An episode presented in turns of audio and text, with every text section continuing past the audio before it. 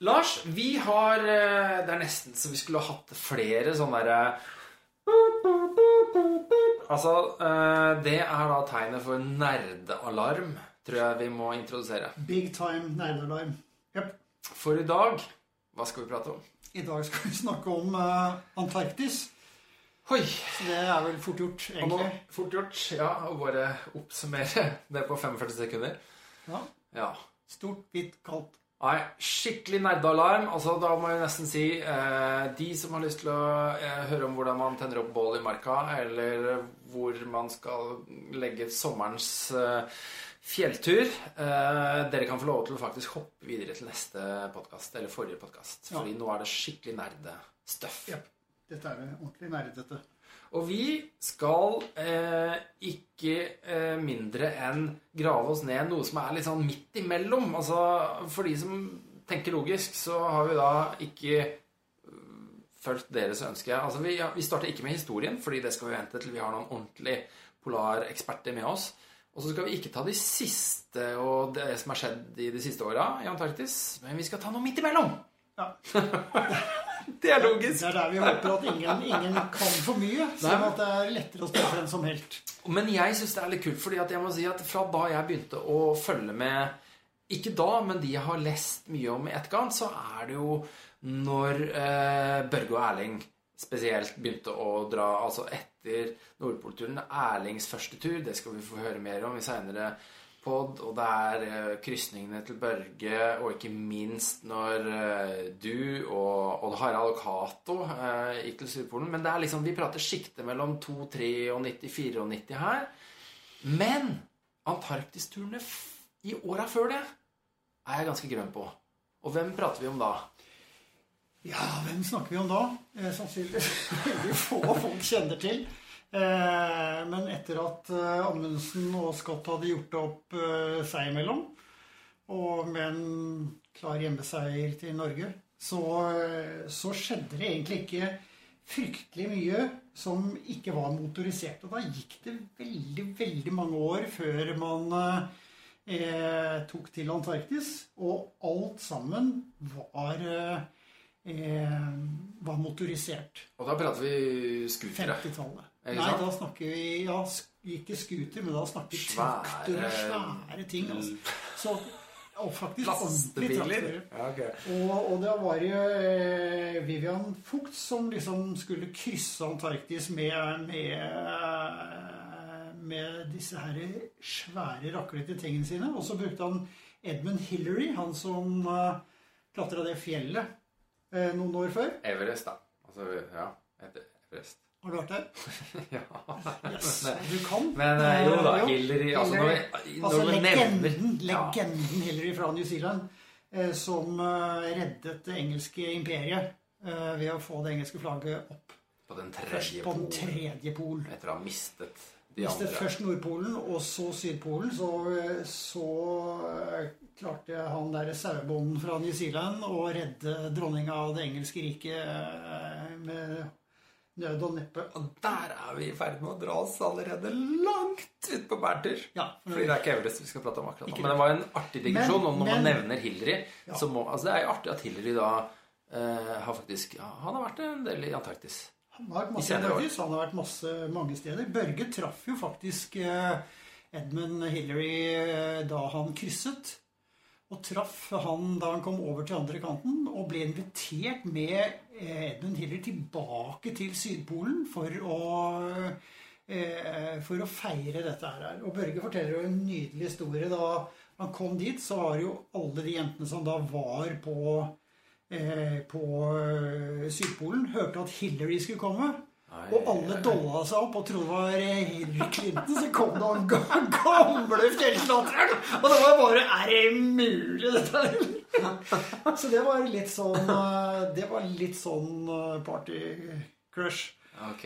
Men eh, det, det jeg skulle snakke om, da, det var jo at da folk skulle kjøre tvers, så skulle Hillary kjøre opp den andre veien, akkurat som Shackleton hadde tenkt seg, og legge ut depoter, sånn at de fikk nok fuel til å komme helt frem. Og når er vi nå? Altså, er vi på, på, på, på slutten av 50-tallet. Å, ja, så 58 jævlig. eller noe. Jeg ikke husker det, da. 57-58 rundt, rundt da var det de holdt på der nede. Lars, sitt stille. Vi er ikke i studio. Vi må ha litt uh, skrapelyddisiplin. med det har jeg sagt til deg før.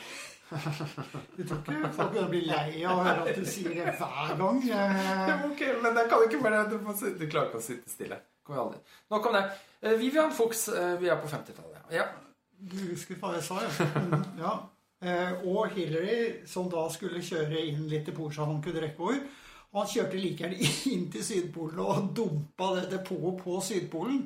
Hvorpå da folk endelig kom frem dit, så hadde Hillary allerede vært der. Oh. Og eh, Det er litt det... spoiler, det. Altså, For det var dit han skulle. Altså.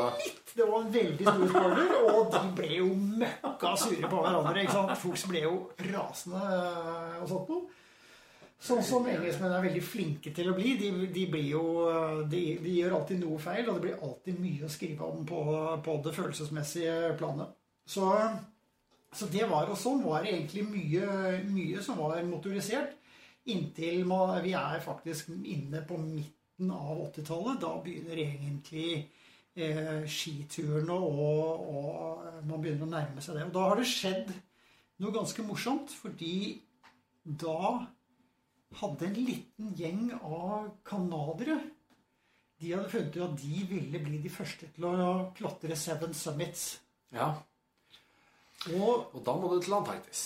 Da må du, for ingen hadde vært der før og klatret Mount Vincent, som er det høyeste i Antarktis. Og det var liksom det syvende kontinentet der. Så da klarte de sammen med en engelskmann å fly inn, klatre Vincent og komme seg ut igjen. Og fant at dette var jo genialt. Og med det så åpnet det som het da eh, ANI, som senere ble het ALE, eh, muligheten for ekspedisjoner og, og, faktisk få et fotfeste og kunne tilnærme seg Antarktis i det hele tatt. Som hadde vært veldig, veldig umulig på mange måter også. Fordi det var dyrt, det var kostbart, det er mye is rundt Antarktis. Og problemet, hvis vi kommer litt inn på Antarktis, er jo det at det bygger seg opp i løpet av vinteren, som er når vi har sommer her, så bygger det seg opp veldig mye is rundt Antarktis, som betyr at i den første delen av sommersesongen så kommer du ikke inn med båt. Fordi det er for mye havis der ute. Og det er, en, det er et stort problem. Så det er ikke noe harmoni mellom sesongene i havet og sesongene på kontinentet. Sommeren i Antarktis den er gjerne november, desember, januar. Tre måneder hvor det er mulig å gjøre noe. Ellers så er Antarktis off limits. Ja, fordi da prater vi eh, forholdsvis mørkt og forholdsvis kaldt. Utenom det. Det er, eh, det er jo én soloppgang og én solnedgang i Antarktis. Eh, og det er veldig kaldt eh, og veldig utilgjengelig. Og i og med at det beltet som danner seg opp is i løpet av mørketiden og sesongen der, det krymper da gjennom sommeren, men så er det som regel ikke åpent inn før ute i januar. Så Shackleton og, og uh, Amundsen de kom jo inn sent i sesongen for å overvintre. Mm. Og så ble de hentet også i januar sent i sesongen, når isen gjorde det mulig å komme inntil uh, land, kan du si. I og med at jeg skjønner hvordan liksom denne podden utvikler seg, det er du som prater, og jeg som hører på, fordi det er du som kan ufattelig mye om den historien, eh, så kan jeg prøve å komme med sånne, noen sånne fun facts innimellom. Men altså, når vi, er, når vi er faktisk inne på det her med mørkt og kaldt og vinterstid, så er da eh, kulderekorden i verden den ligger da i Antarktis på vinterstid. Ja. Og vi prater da mm, Vi er liksom ikke på 30-40 minus eh, der sånn. Eh, vi må ned ikke på 50 og 60 heller. Men altså, i 1983, eh, 21. juli, så ble det målt ikke mindre enn minus 89,2 celsiusgrader på Vostok-stasjonen i Antarktis. Ja. Det er kaldt. Det er så kaldt. Da bør du ha skjerf det, jeg, jeg, tror det er helt uforståelig hvor kaldt uh, det er. Legge på en liten stiv kuling i tillegg, så, på, så, er, det jo, så er det liksom oppe på 120 minus. Ja. Altså det er, det er sinnssykt, uh, sinnssykt kaldt. Altså det er det som er Antarktis. At det er jo det kaldeste kontinentet i verden. Og så er det, det mest vindfulle. Det er det mest forblåste kontinentet igjen. Det er også det høyeste kontinentet i verden. Fordi den har en veldig stor isklump på Ja, toppen seg. Og så er det også det tørreste. Så er det også det tørreste, og flere steder eh, i Antarktis Det meste Antarktis er tørre enn Sahara, for å si det slik. Så det faller utrolig lite nedbør i, i mange områder av, eh, av Antarktis. Og, og isen, den, det er jo der det er mest is på jorden. Den, den er jo er, Har du noe fun facts på det? 4700 meter eller noe? Ja, det er helt riktig. Vi er faktisk oppe i 4800 meter eh, med is. Ja. Og for å gi folk et litt sånn perspektiv på dette her For det første så tror jeg at eh, 90 å, nå jeg, eh, mener at 90 av eh, ferskvannsreservoaret som er frossent på jorda, ligger i Antarktis. Det er bare så gigantiske mengder. Og Antarktis det er større enn hele USA. Ja. Så du tar Større enn Europa. Ja, større. To ganger større enn Australia.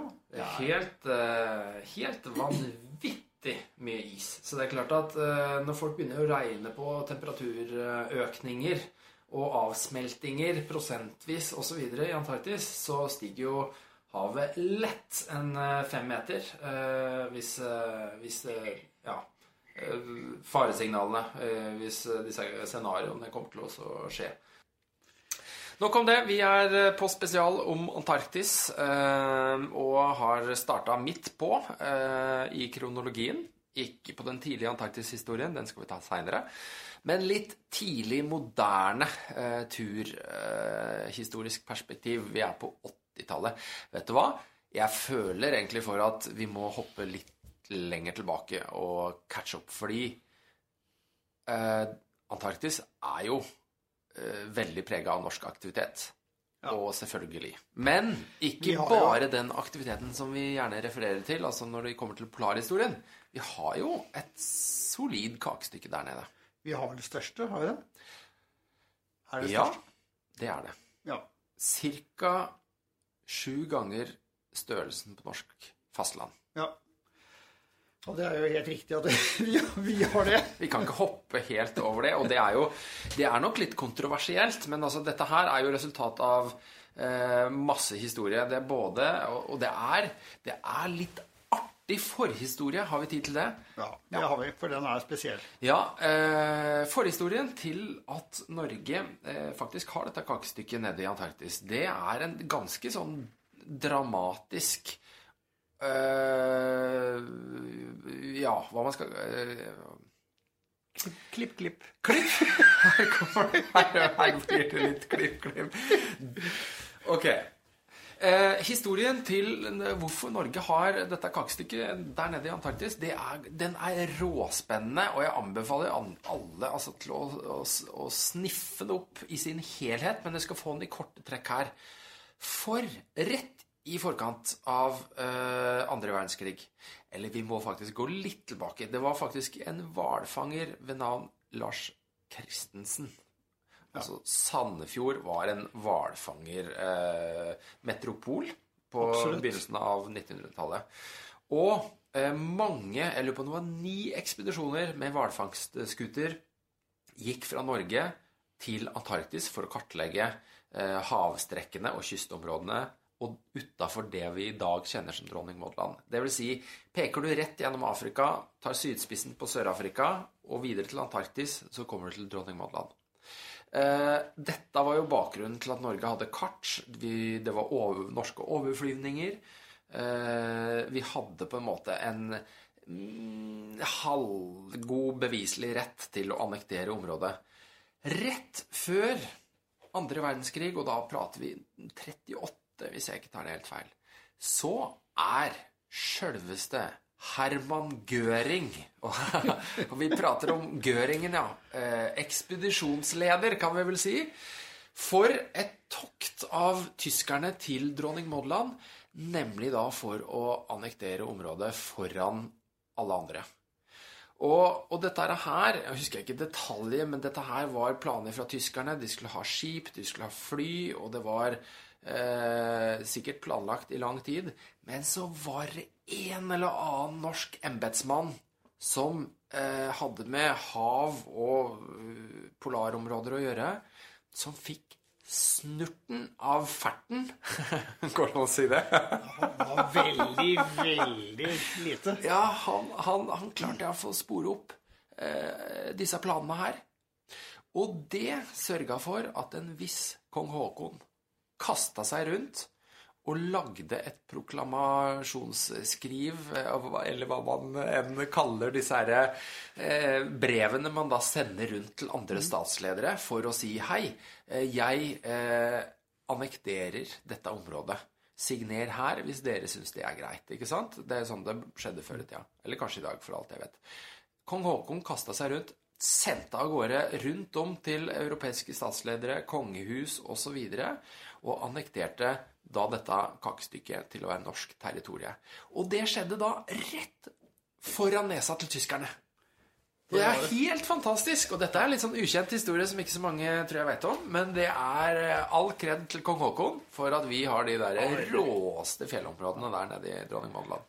Og eh, det var jo ikke noe kjedelig måte tyskerne har tenkt å annektere det på heller, da. Nei, det er sant. Fordi i beste nazistil så hadde de skip og fly med på dette toktet, og de hadde da planlagt eh, å fly over Dronning Maud-land-området og droppe sånne spyd som da sikkert ble stående i isen der nede, som var sånne nazispyd. Jeg kan godt se for meg at det var sånne svære nazisymboler.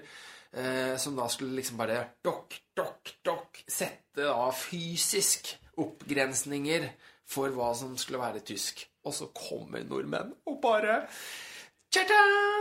Vi har eh, andre lands støtte om at dette her er norsk territorium. Det kan ikke være derfor tyskerne angrep oss. Vi var jo egentlig slapp unna med nøytrale i første runde. Kanskje det, kanskje det, var det som gjorde at de ble sinna på oss. En viss bitterhet. Viss bitterhet. Han Göring ble ikke noe greiere med åra. Nei, det var kanskje det som tilta helt uh, den fyren. Uh, jeg vet ikke.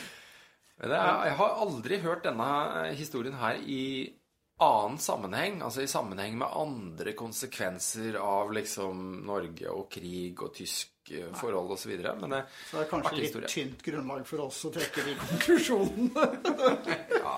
med, med, en gang. Nei, det var i hvert fall fantastisk, og, og Norge har jo et vanvittig stort og nydelig område der med en masse fjell. Og de, eh, de, tok jo masse bilder og lagde masse kart og gjorde en grundig jobb, mm.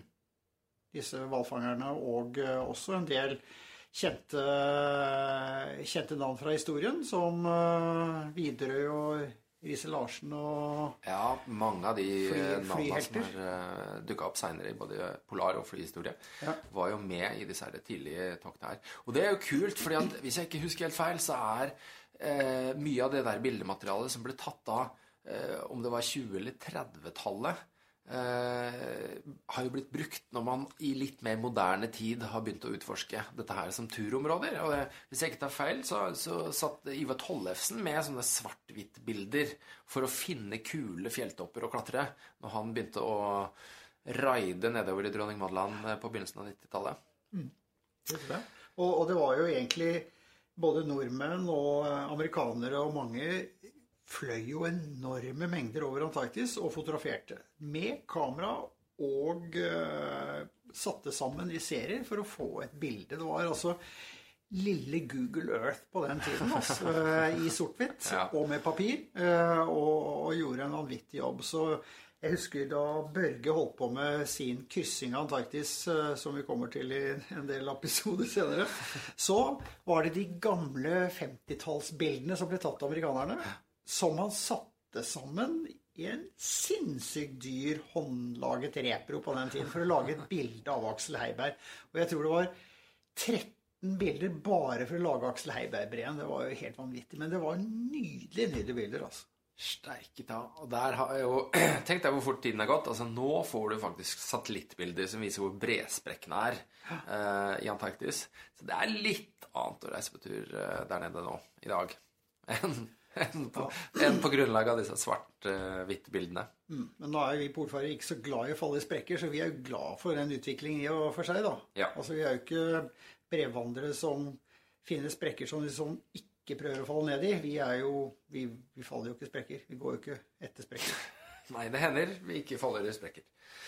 Så går det en stund før, før liksom de mer sportslige og skipregede ekspedisjonene kommer, hvor man tør å hive seg på dette ufattelige kontinentet, som egentlig bare fly og motorisert har gjort uh, på den tiden. Og midt på 80-tallet så er det igjen det engelskmennene skal ha det, at da, da, da er det Robert Swan uh, som, som, setter i gang en stor ekspedisjon for å gå da fra uh, inn til Sydpolen.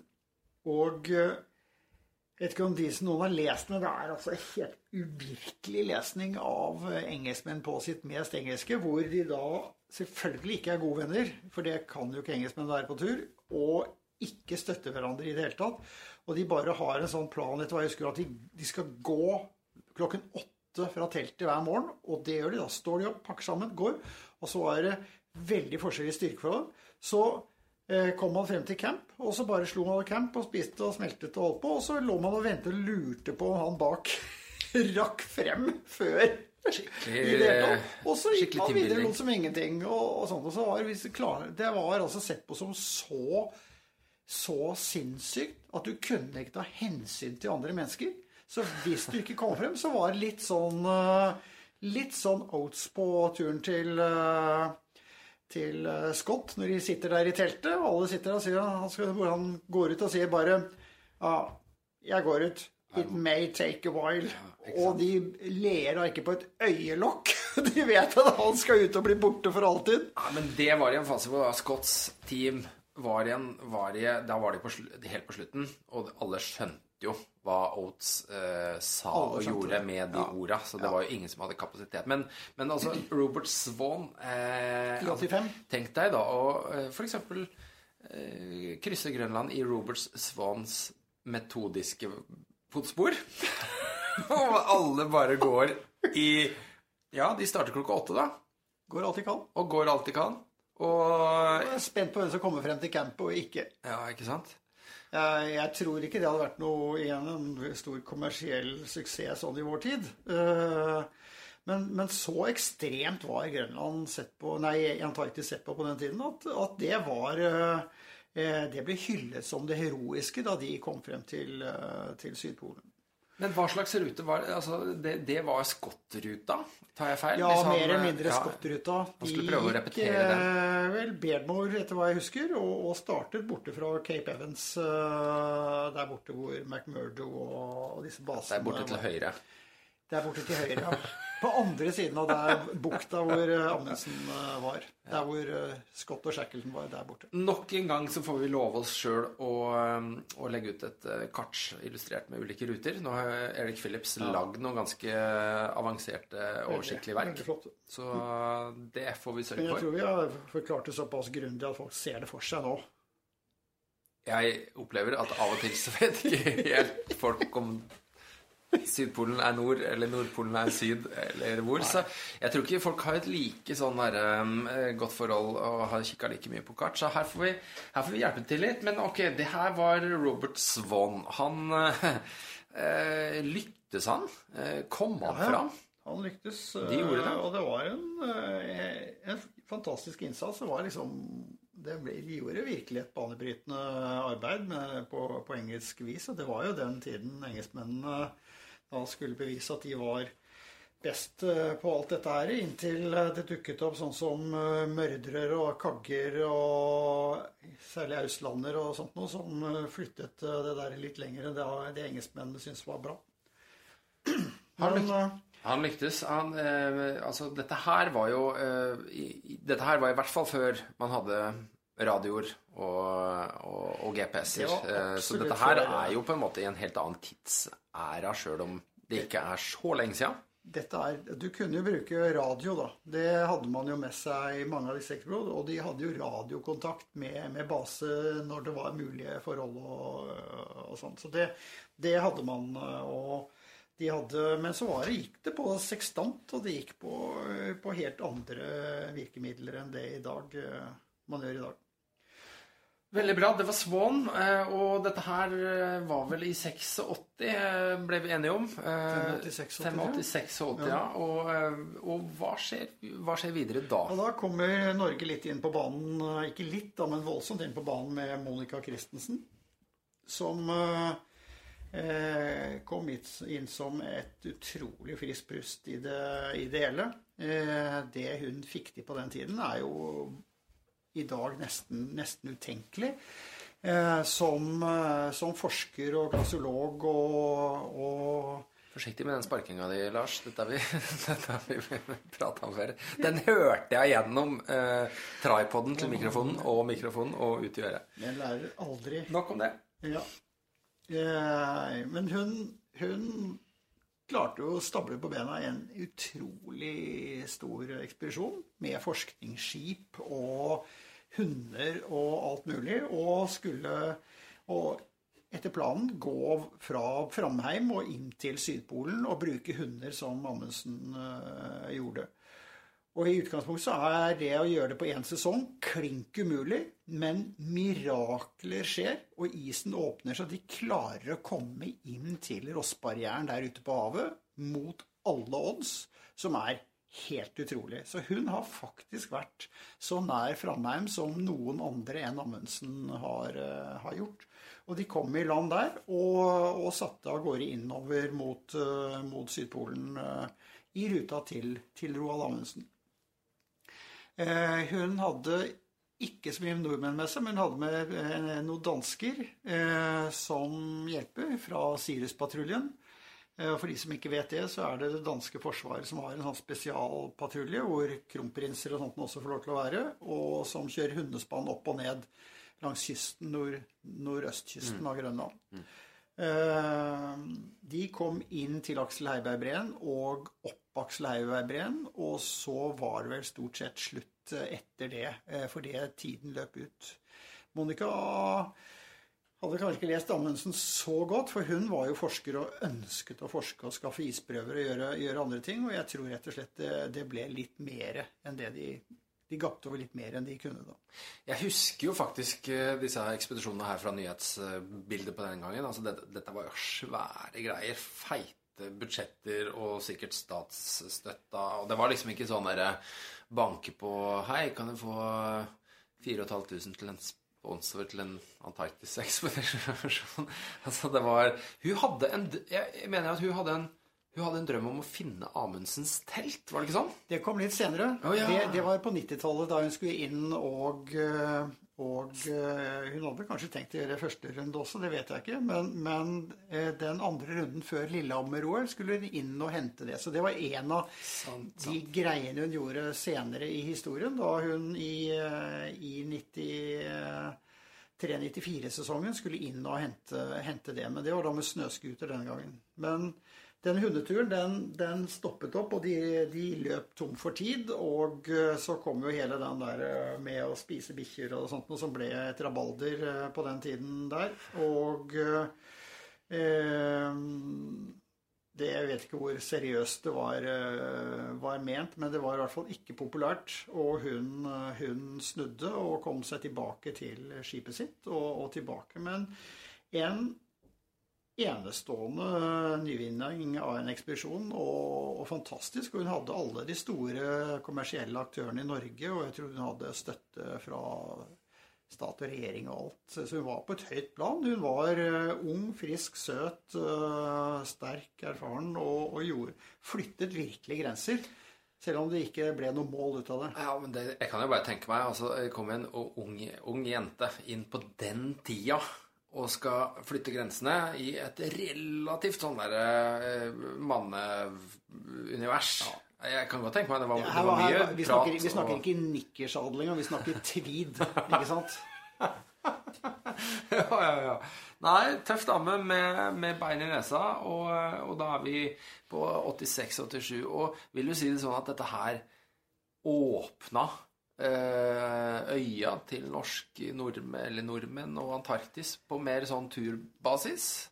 Det, det, gjorde, altså det satte helt sikkert Antarktis og, og, den verden veldig veldig på kartet i den tiden der. Eh, året etter så har vi jo en, en enda morsommere ekspedisjon med, med våre øyne, da.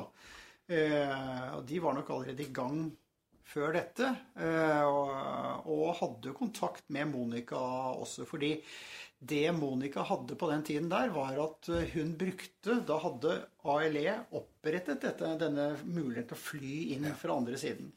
Og ALE la ut depoter til Monica men som hun da ikke nådde og brukte på den tiden der. Så det lå igjen depoter. Nå holder vel maten seg relativt uh, godt? Ja, det tror jeg ganske, ganske godt. I hvert fall gjennom vinteren. I hvert fall gjennom vinteren.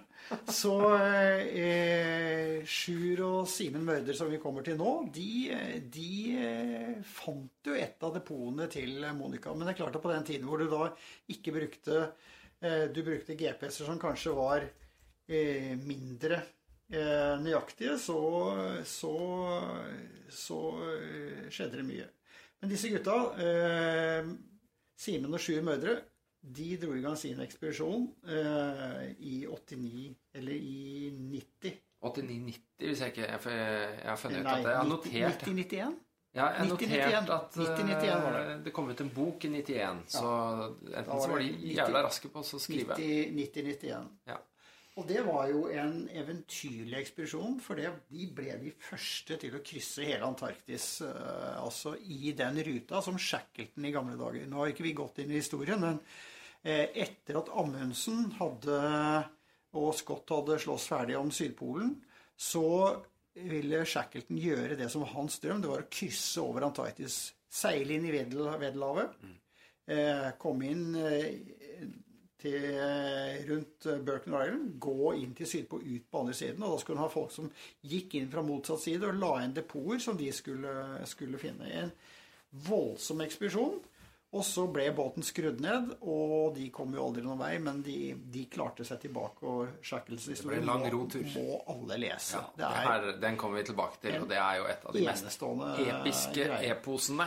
Men Sjur og Simen ble jo de første som med på sportslig vis med ski og hunder og sånt noe, krysset Antarktis. Eh, sånt noe. De hadde med seg litt flere andre inn. De hadde med seg Herman Mern og, og, og Ralf Høybakk. Og i tillegg så, så hadde de også med, eh, med Hallgrim Ødegård som fotograf, eh, som kom inn senere. Og han og hva heter han siste som uh, Husker jeg ikke hva han heter. Han som gikk over Grønland, skrev den boken. Uh, husker du hva han sier? Uh, han helt siden med papiret. Uh, er ikke det mer enn da? Nei. Herman er Han med papiret? Ja, han. Åh, nå står det så stille, og jeg kjenner jo sønnen og alt sånt. Dette er helt pinlig. Ja, jeg, jeg tror jeg vet hva du mener, men Og nå kommer jeg nesten på det. Spørsmålet er om vi skal stoppe rekordknappen. nå står det stille nå. Det er, og, han, er jo, han, han, gikk jo alene over Grønland i sin tid og skrev en episk bok om, uh, om det. Og uh, Er det mulig, da? Han, jeg var stor fan av han, og jeg brukte faktisk papiret hans Jeg å kjøpte mye papir. For han hadde laget sånt papir du kunne trykke Åh. Okay, så han... Er det mulig? Ok, uansett. ja.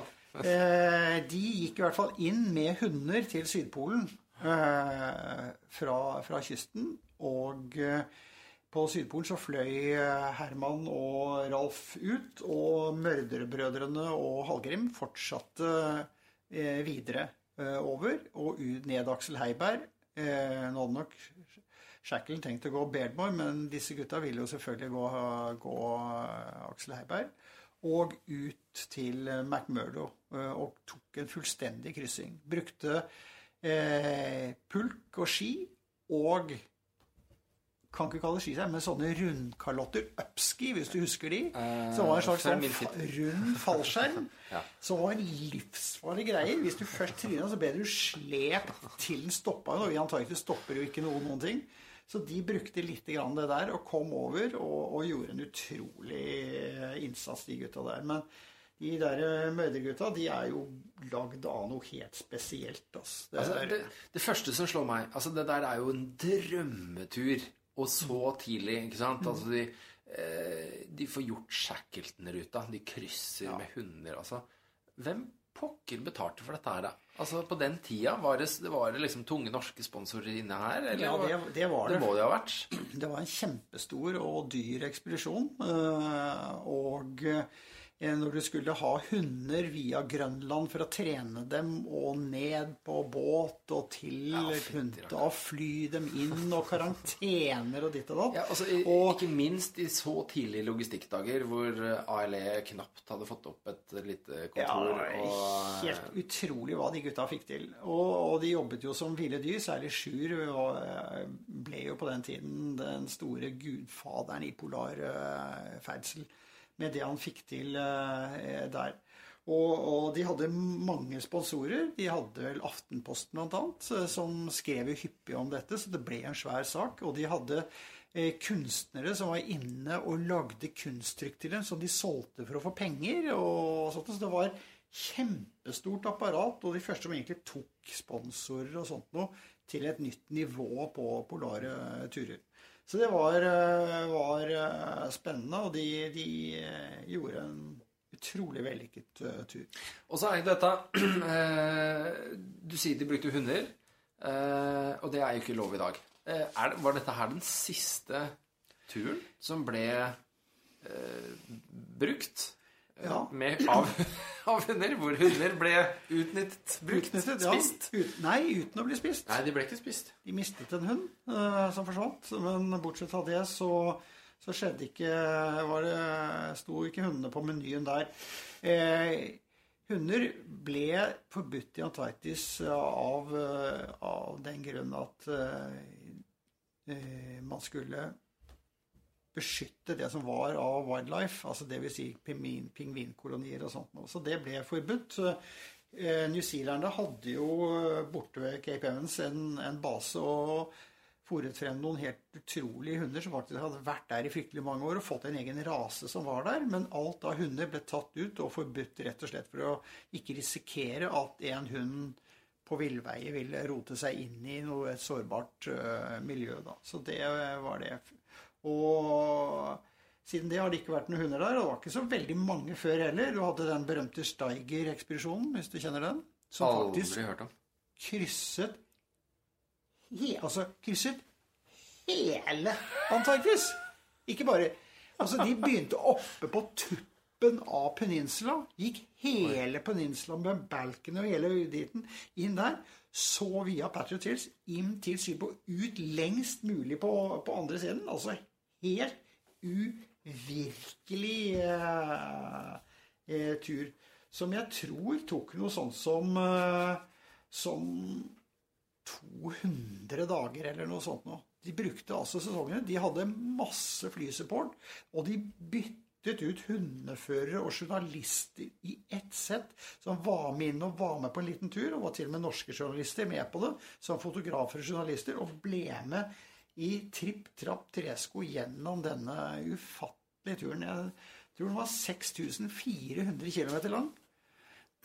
Og, og helt eventyrlig, men brukte jo da eh, Jeg husker ikke hva det var. Hva, det var snakket, jeg glemmer jeg heter 60-70 millioner dollar på den tiden for å få til dette her.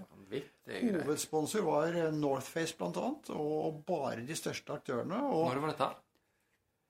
Husker du? Eh, det var helt på slutten av eh, 80-tallet også, før, eh, før eh, Mødregutta. 89, eh, 89-90 rundt, rundt der. Så det var året før året før Sjur og, Sjur og de. Jeg hørtes ut som en tur jeg gjerne skulle vært med på. Eh, men det er nok av de turene hvor jeg gjerne skulle vært med på det. Ok, da er vi på 91 eh, i 1991. Eh, neste tur du har eh, på lager, hva skjer etter det? Etter det så hadde folk fått øynene opp at, at uh, Sydpolen var, var faktisk uh, within reach. Og det var mye takke ALE, eller ANI som det het da, som hadde den flybasen som gjorde at du kunne komme inn til, eh, til eh, Sydpolen, og du kunne gå inn til, eh, til Sydpolen.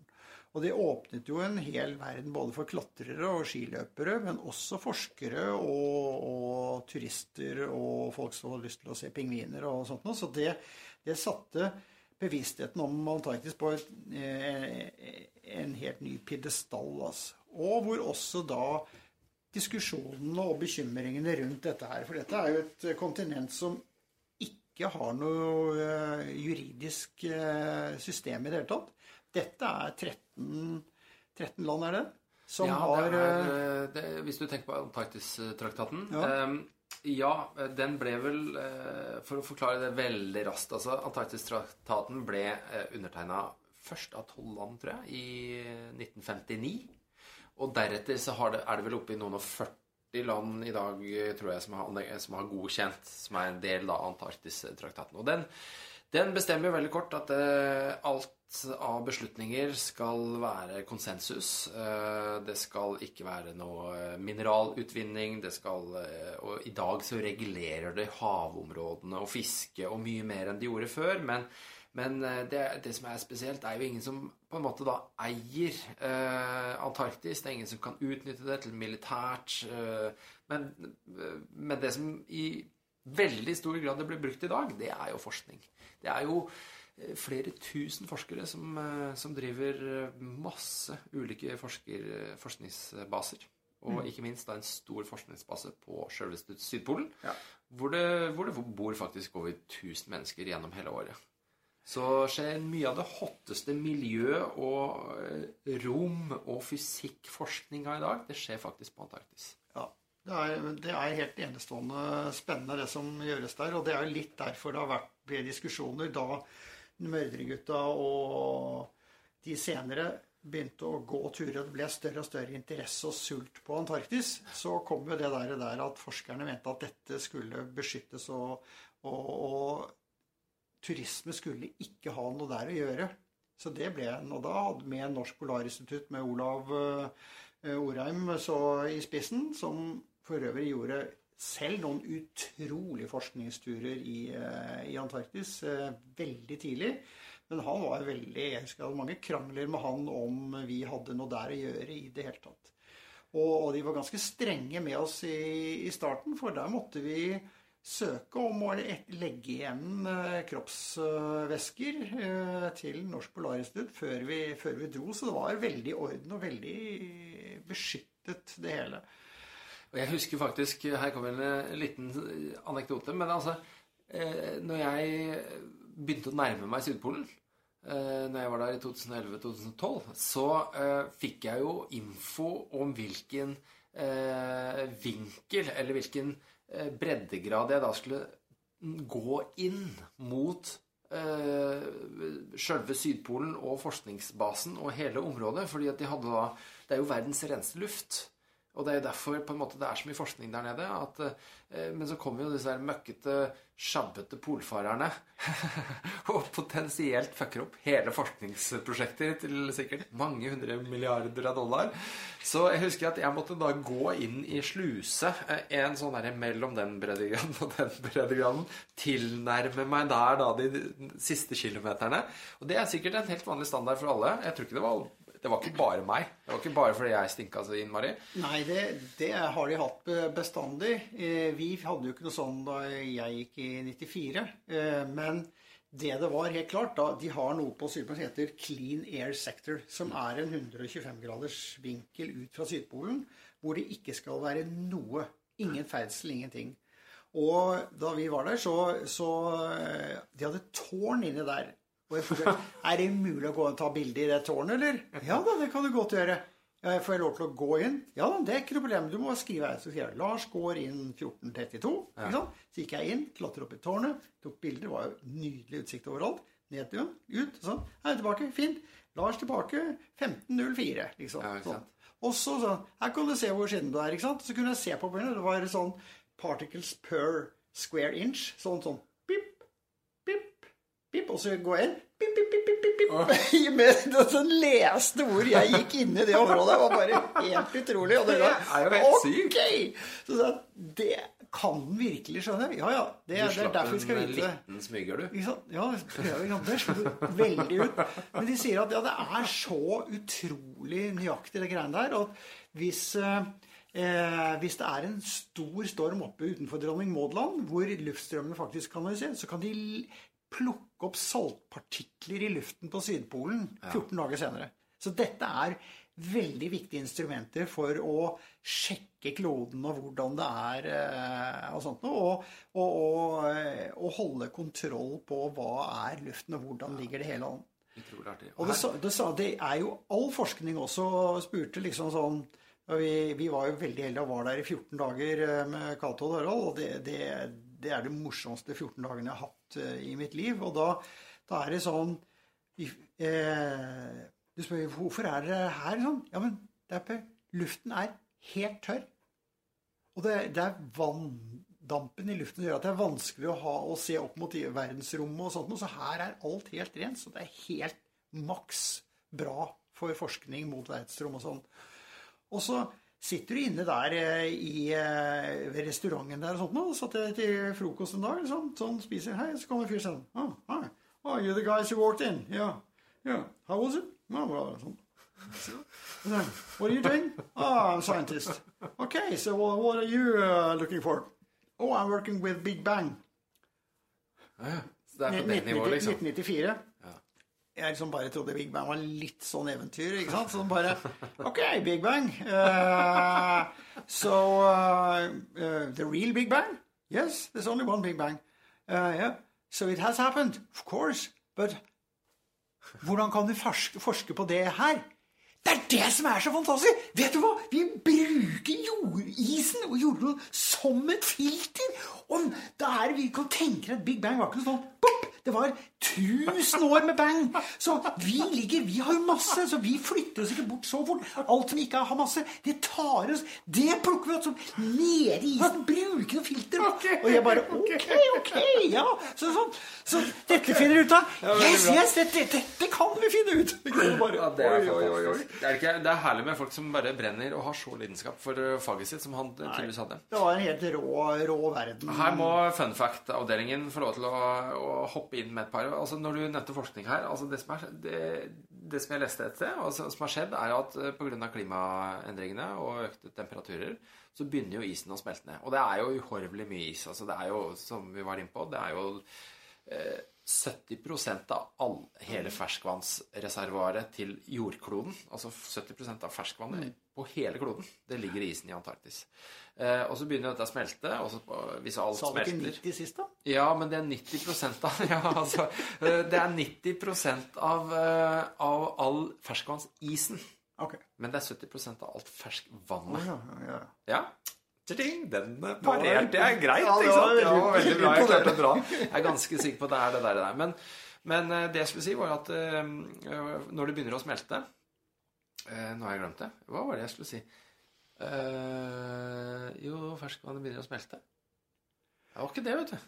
Mange små smelteelver gir en stor å. Ok, men da kan vi ta en annen fun fact. Det er faktisk en Jo, men det, Du har sikkert sett bilder av det. Det er, det er noe som kalles for Blood Falls i Antarktis. Og det er en foss ut fra eh, noen vannstrukturer inne i isen som er dønn rødt. Det ser ut som blod som renner ut av en svær eh, sårrevne i isen. Og dette her har jo forskere lurt på i masse år. Hvordan i all verden, liksom?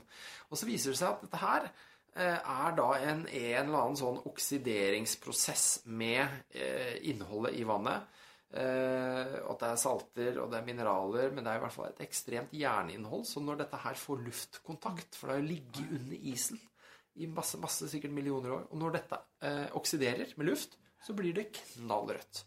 Og det er jo masse av disse her eh, underjordiske sjøene i Antarktis. Over 300, tror jeg det er. Ja, som ligger nede i isen. Ja, og Som som er, er oppdaga bobler inne i isen, som er flytende vann som ligger i isen. Og som kanskje til og med har levende Ja, og det er jo eh, Og det der husker jeg de prata om når jeg var der også, men poenget er at det er jo eh, Hvorfor er det ikke is? Altså, det er jo kaldt. Og dette her saltinnholdet er så høyt at altså, de mest eh, saltrike underjordiske innsjøene, de er i Antarktis. Og det er grunnen til at Vanntemperaturen kan jo være 10 og 20 minus, men de fryser ikke pga. saltinnholdet. Mm. Og trykk kanskje også. Kanskje. Jeg veit ikke. Det er utenfor min Tenk å forstand. finne et monster nedi der da, som har levd der, eh, eller lever der. Og jeg tror vi må ha en egen pod med alle konspirasjonsteoriene som eh. Ja, men, men de må vi spare. Hvis ikke så blir vi aldri spart. Men det gleder jeg meg til. Hvor er vi? Vi er på eh, Ja, er- 91-92. Og det, det neste som skjer, er egentlig, eh, fra norsk side i hvert fall, eh, de, de eh, kjente Veldig, veldig kjente turene til Erling Kagge og Liv Arnesen og eh, Børge og andre som kommer tett utover og man bryter, bryter en masse, masse grenser. Men her skjer det jo litt, fordi at eh, mens Scott og Amundsen uh, starta jo fra 1-1 i Antarktis, Ja. så uh, snudde jo alt dette her. Og det henger jo også sammen med logistikkselskapet ALE. ja. Hvor, hvor, hvor begynte de gutta å gå fra? Og jentene? Eh, hvis man tenker seg Chile og Peninsula, den halen fra Antarktis rett inn den veien, så ligger eh, der hvor eh, eh, disse canadierne landet og lagde en base. De brukte blåis som blåses ren som eh, landingsbane, og det ble inngangen. Og det betyr, betød at både eh, Kagge og Arnesen og Kaltosal og Børge og alle sammen begynner fra den chilenske sektoren, hvor eh, det faktisk var mulig å få en logistikk og sånt noe. Og da begynte man, De som begynte fra Børkner, begynte da fra der hvor Shackleton hadde tenkt å starte. Og en del av de andre begynner da ved eh, Hercules Inlet, som var noe eh, ALE startet med som en prøveekspedisjon, eh, hvor de fløy folk til det som er enden av kontinentet rundt Antarktis. For Antarktis har da sin landmasse, og så har den den isen som har ligget der, som er pushet ut og blitt en permanent landis som ligger videre utover, som, eh, som er eh, ofte flere hundre meter tjukk. 400 meter tjukk på det, på det meste. Hvordan vil du sammenligne rutene som eh, da Erling gikk, altså fra Berkner og inn til Sydpolen, eh, med Amundsens rute fra Framheim? Kan du, kan du liksom sette de litt raskt opp mot hverandre, så folk får litt perspektiv? De er fra stikk motsatt side Ja. av kontinentet. Så Amundsen gikk fra sin side og inn, og eh, Erling eh, og også Sjur Det var Sjur Mørdre som faktisk fant den ruten, og den ble jo kalt Norskeruta inn til Sydpolen. Eller kan gjøre det kanskje enda. For det var han som fant den i Cambridge, faktisk, sammen med engelske forskere der. Og ganske morsomt at de engelske forskerne sa til Sjur da han kom der og lurte på om de kunne hjelpe han og si Så jeg bare Det er jo fantastisk at nordmenn kommer. Engelskmenn kommer aldri og spør oss om noe. Det er bare å si litt om engelskmenn. Ah, there is a wheel to be invented. I don't ask anyone. I will do it my own. For the queen and the country. Sånn er det med folk som ikke har religion, bare dronning. Det blir gærent. Eh, men, men det er i hvert fall motsatt side, og det er det altså Amundsen startet jo selvfølgelig fra kysten, for han seilte jo inn med Fram. Ja. Eh, der hvor du starter fra Berkner, så er det skruis og en pingvinkoloni som du i dag kan besøke. Så, Så der rusler de ut eh, Du starter ikke der, for du starter på, på sydsiden av skruisen der. Jeg fatter ikke hvorfor ingen har startet blant min. Så kult å stå blant gutta i dress eh, og så si ha det og gå. Eh, Men, men det kommer nok. Eh, og så er eh, de ganske like i og med at du har en, et platå fra Berkner, så går du over en øy som heter Berkner Island, og ned på den landisen, permanente landisen, og inn til en fjellkjede som heter uh, Dufek Mountains, eh, hvor du da går opp. Og der kan det være ganske bratt. På, der er det bratt og med sprekker alt. Inn og på. Men der er det liksom én helling opp. Der Amundsen kom, så kom han også over den permanente landisen inn til kontinentet og gikk opp Aksel Heiberg.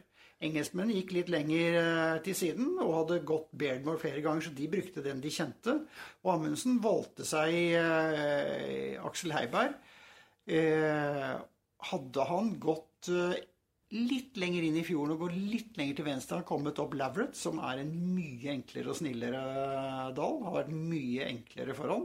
Men nå gikk han Aksel Heiberg, og det er vi veldig stolte over. Det er det flotteste stedet i verden. ikke sant? Når Stein P.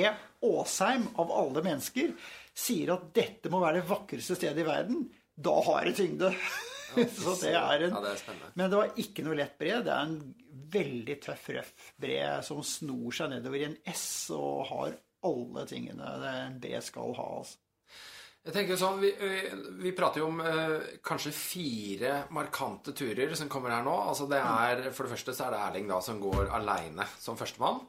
Eh, og, og så allerede året etterpå så er det jo to turer. Det er Liv Arnesen, og det er dere. Og når jeg sier dere, så er det da Cato Zahl Pedersen, Odd Harald Hauge og eminente Lars Ebbesen. Ja. Eh, to fantastiske turer, og begge de to turene skal vi også prate mer om. Og etter det så kommer Børge med krysningsforsøkene sine. Ja, Stemmer det, ikke sant? det stemmer.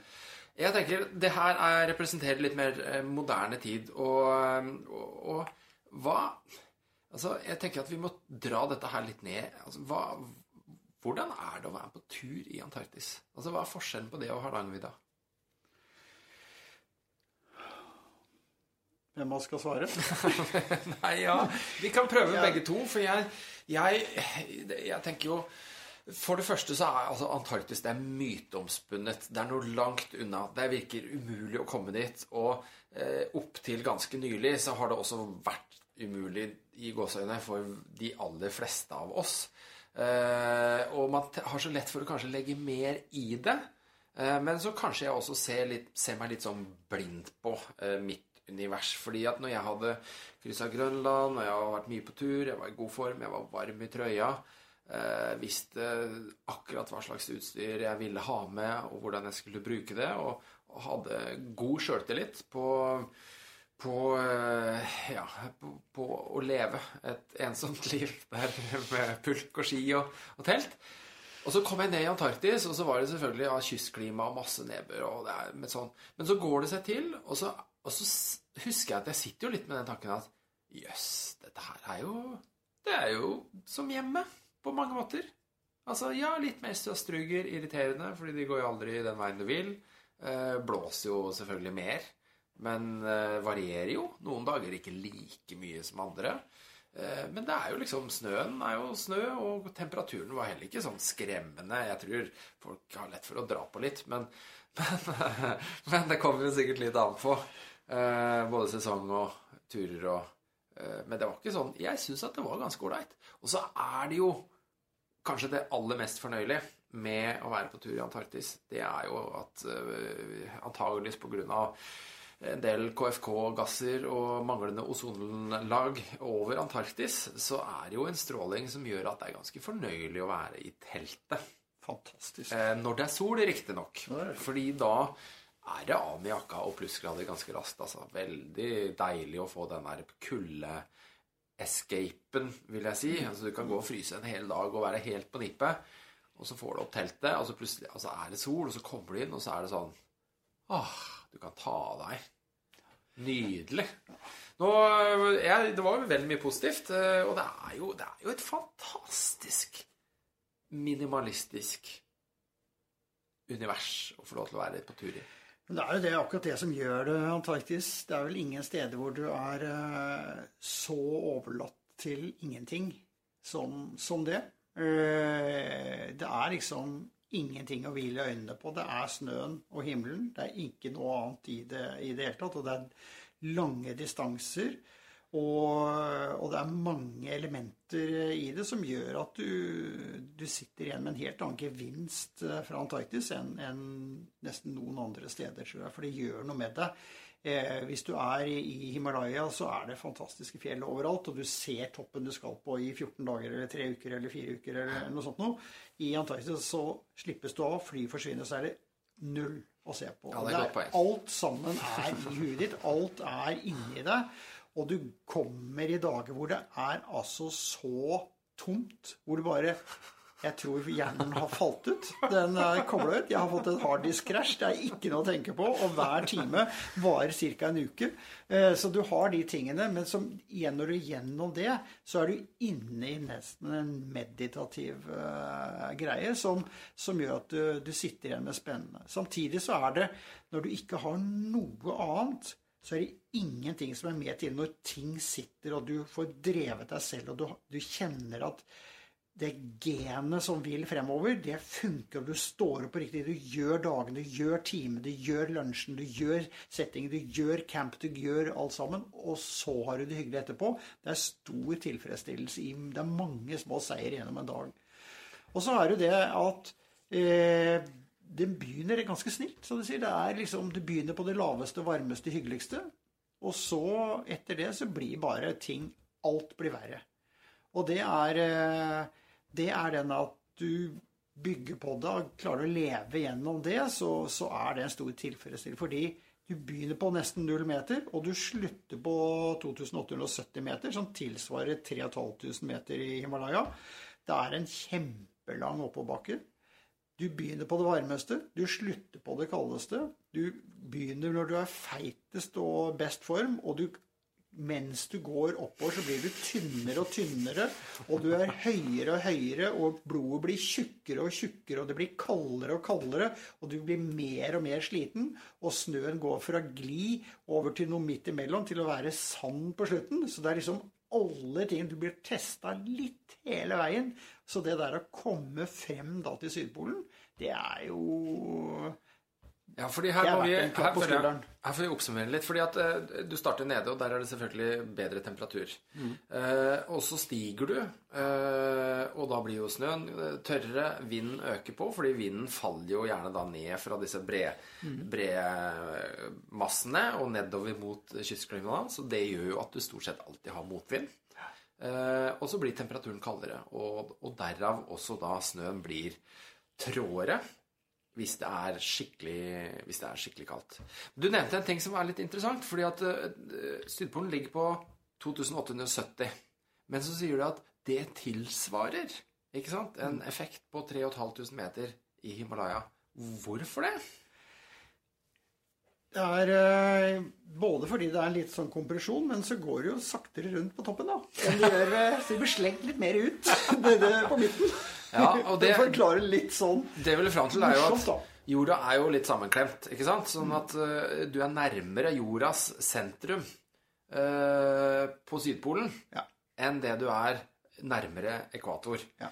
Uh, og så er det noe med luftmassene og trykk som henger seg på der. Og så gjør det faktisk Og det, det gjør jo at faktisk den derre høyden som normalt, altså 3000 meter, er jo ikke all verden, men du får en du får en vanskeligere effekt. Du får en tøffere effekt av den høyden du har på Antarktis. Ja. Og det gjør at folk som da droppes inn og skal gå siste breddegraden, eh, som da er ikke så Da har de start, da, ikke så langt unna mm. Sydpolen, eh, virkelig ofte blir overraska over den derre høydeeffekten. Ja. Blir rett og slett høydesyke. De sliter veldig, veldig. Det, så det er viktig å huske at en sydpolekspedisjon faktisk er en høydeekspedisjon også. Altså, du må ta inn i hele greia at uh, at høyde er, er et problem eller en fare ved det.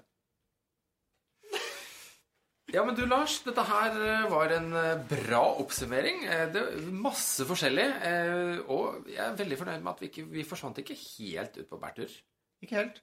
Eh, jeg føler jo at eh, det var veldig bra vi hadde en liten nerdealarm i starten. når dette ble, ja, ble veldig nerdealarm. Hakket hakke sært for en del mennesker. Men nå skal vi mer inn på personer neste gang. Ja. Eh, og, og, mennesker og ordentlige greier. Og Men så må vi få lov til å komme med en oppfordring til de som har hengt med helt til slutten her. Har du spørsmål om Antarktis som vi skal ta opp? Peis det inn på Facebook eller Instagram, og vi tar det med oss inn i neste Antarktis spesial. Gjør vi ikke det, Lars? Det gjør vi. Superdupert.